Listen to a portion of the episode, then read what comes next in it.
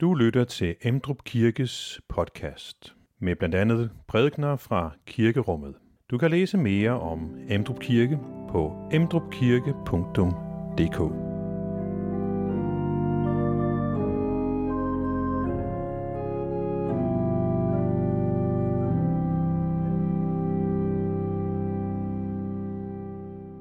Da otte dage var gået, og han skulle omskæres.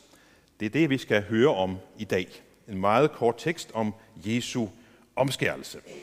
Og øh, den hænger ganske fint sammen med den anden tekst, som vi skal høre, som øh, er på skærmen der øh, fra første Mosebog. Netop om løftet til Abraham og pakten med Abraham. Hvordan de to ting hænger sammen, det vender jeg tilbage til, når vi kommer til, til prædiken.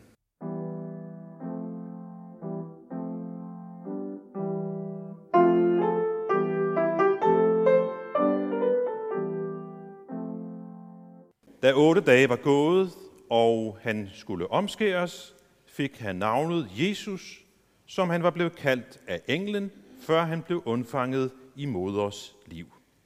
Amen.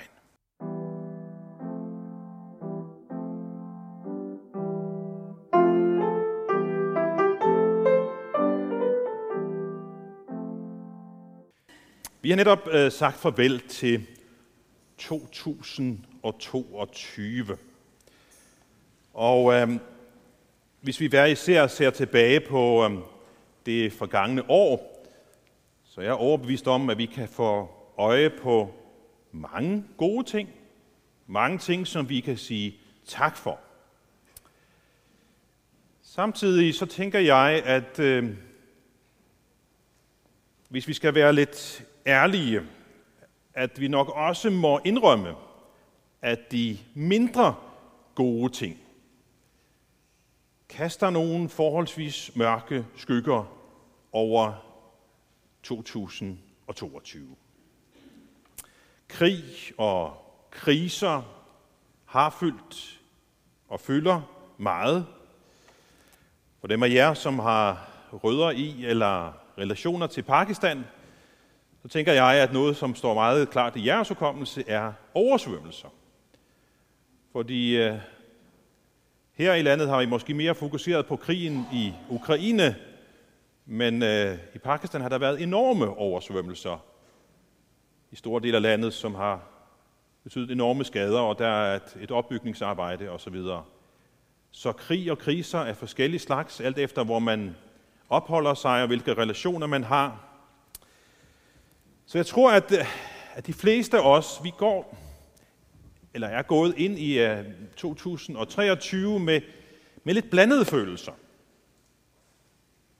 Sådan er jeg det i hvert fald. Det er sådan lidt blandet. Hvad er det, 23 kommer til at byde på?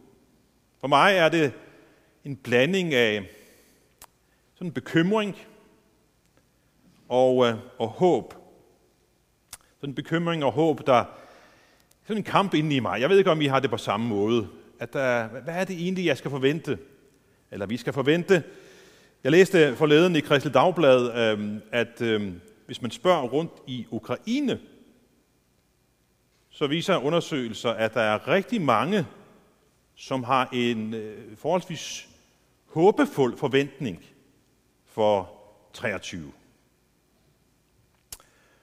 Jeg håber, at deres håb bliver indfriet. Jeg håber også, at øh, Pakistan bliver genopbygget, og alle de oversvømmelser og konsekvenser, det har haft, at, at landet kommer på fod igen, og hvad der ellers har været i løbet af året.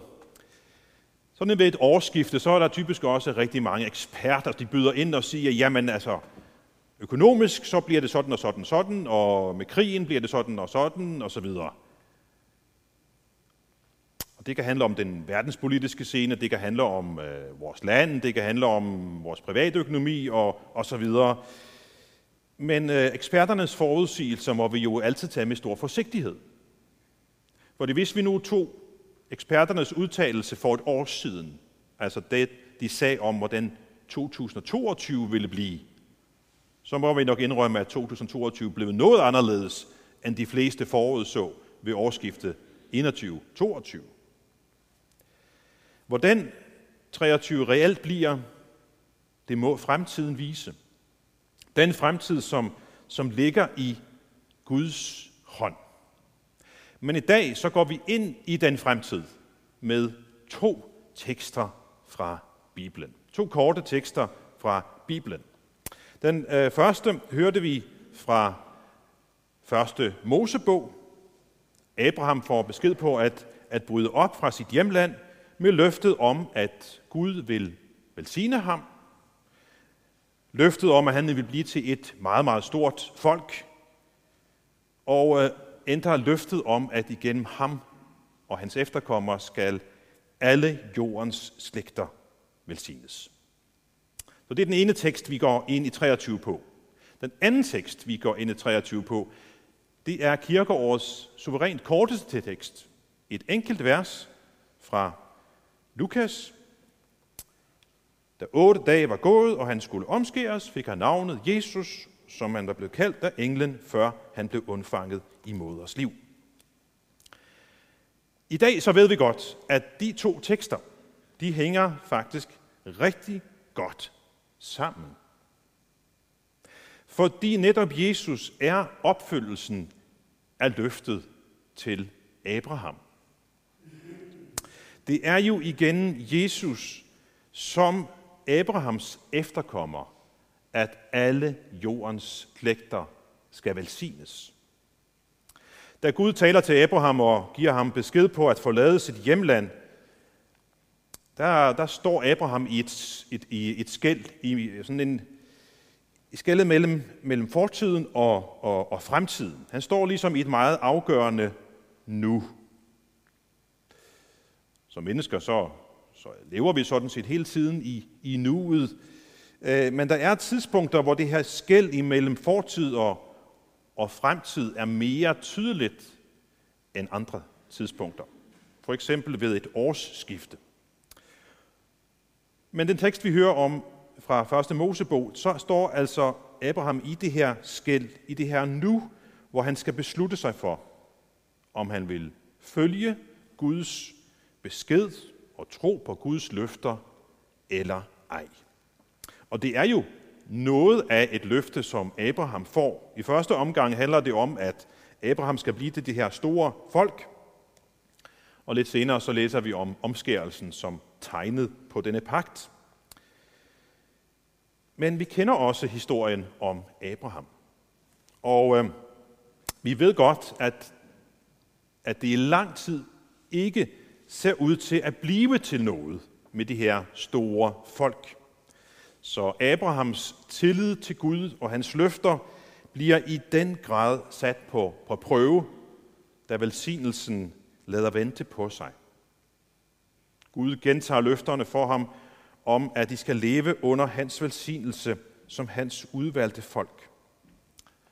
Så Abraham og hans efterkommere kan leve med Guds løfte om velsignelse som et, som et fortegn for deres historie med de op- og nedture, som den indeholder. Og så ved Jesu fødsel sker højdepunktet, at Gud føder, lader sin søn føde ind i Abrahams slægt, og Jesus bliver ved sin omskærelse en fortsættelse af Abrahams historien og traditionen. Det er Lukas, der fortæller os dette, og det gør han i samme kapitel som øh, det kendte juleevangelium.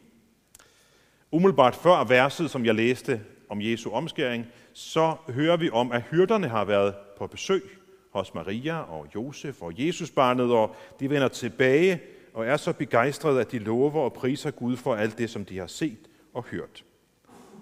Og nu er der så gået otte dage. Guds søn, der nu er blevet menneske i det her lille Jesusbarn, vokser, lever i tidens vilkår. Den evige Guds søn har taget tiden på sig og er nu blevet otte dage gammel. Han går ind i tiden, og vi ved, at han går ud af tiden igen, cirka 33 år senere. Så Jesus var et virkeligt levende, fysisk menneske. Ikke en eventyrfigur, men levede på jorden et bestemt sted i en bestemt kultur og tro.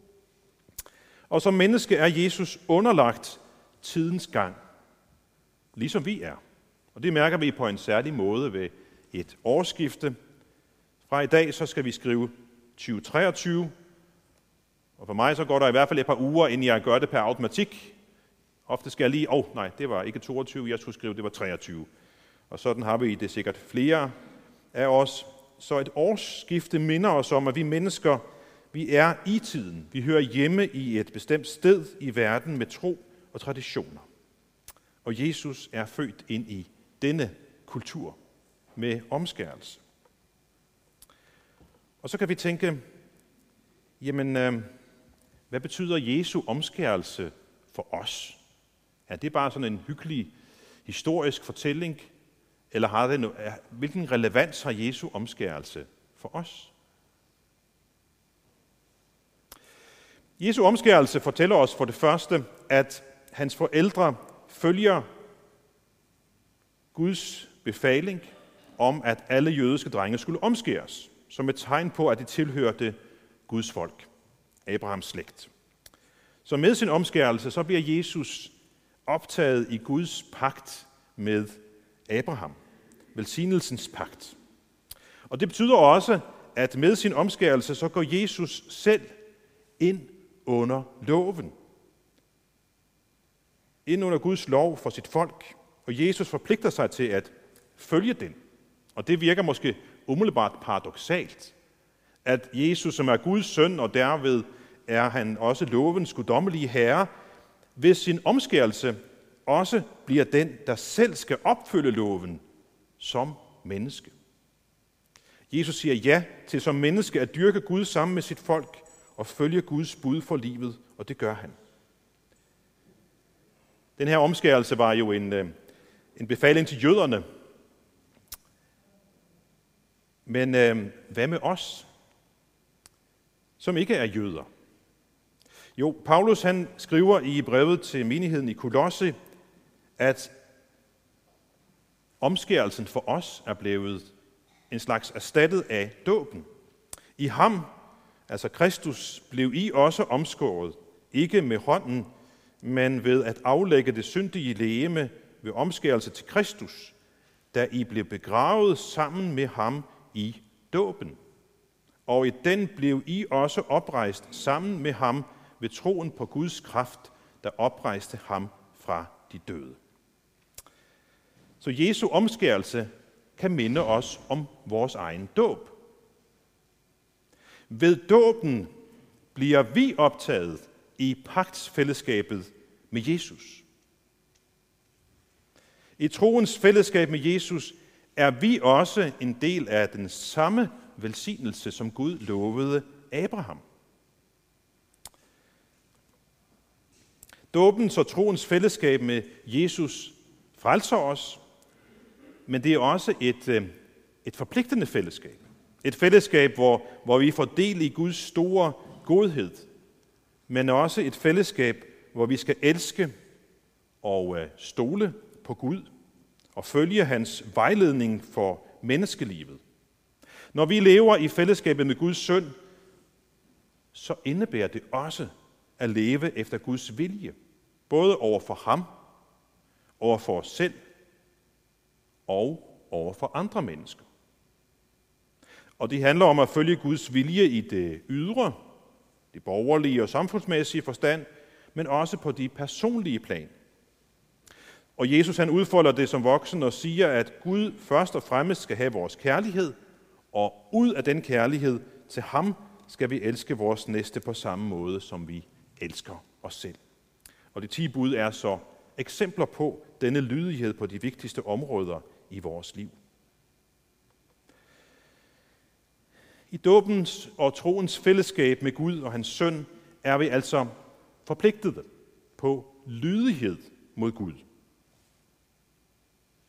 At være kristen er altså at vælge side, at få Kristus som herre i hele sit liv.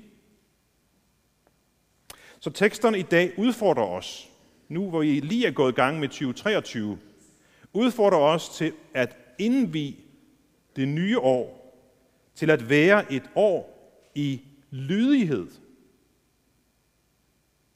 mod ham, som vi ved dåb og tro er sat i fællesskab med, og som derved skal være herre i vores liv. Og det er jo en udfordring, fordi vi mennesker vil jo helst bestemme selv. Vi skal selvfølgelig være selvstændige og ansvarlige mennesker, og ikke lade andre øh, mennesker have sådan en, en uretsmæssig magt over os, men Gud har skabt os. Og i fællesskabet med ham, så er det ham, der skal være herre i vort liv. Og ved denne lydighed, så sker der også meget godt for os selv og for andre, men der sker samtidig også det bagvendte, at vi opdager, hvor ulydige vi er. Hvor svært vi har ved at være lydige over for Gud. Så Guds gode vilje og, og lov, kan man sige, afslører vores ulydighed og synd. Så i den forstand, så stanser Guds lov os og viser os samtidig hen til Jesus. Viser os hen til en Jesus, der ikke bare er et godt menneske, ikke bare er et godt forbillede. Nej, han er mere end det. Når Guds gode vilje og lov afslører, hvor galt det står til hos os, så viser det hen, os hen til en Jesus, som lever op til sit navn. Som lever op til sit navn. For navnet er nemlig nøglen til at forstå, hvem Jesus er. Jesus betyder frelser og befrier. Jesus kan redde os, som ikke kan redde os selv. Jesus fik sit navn på 8. dagen i forbindelse med omskærelsen. Det navn, som Guds engle havde sagt, at han skulle have. Så det var altså Guds plan, at han præcis skulle have dette navn. Han skulle hedde Jesus, fordi navnet siger det, som han er. Vores frelser, vores livredder, vores redningsmand, vores befrier. Og vi opdager, at vi har brug for sådan en, når livet er hårdt for os. Vi opdager, at vi har brug for en frelser, når vi erfarer, at vi ikke selv kan adlyde Gud, som vi gerne vil og så bør. Der kommer Kristus til os som den, der skal redde os fra det onde og fra den evige fordømmelse. Han frelser os ved, at han helt og fuldt bliver et med vores skyld, tager den ind over sig selv, og på denne måde befrier han os fra lovens forbandelse, så vi kan blive frie ved troen på Jesus. Så Jesus opfylder loven i vort sted. Og derved så viser han også, at loven, Guds vilje, er god. Men han opfylder altså den lov, som vi ikke selv kan klare. Men med troen på ham, så får vi del i hans opfyldelse. Det, som han har gjort.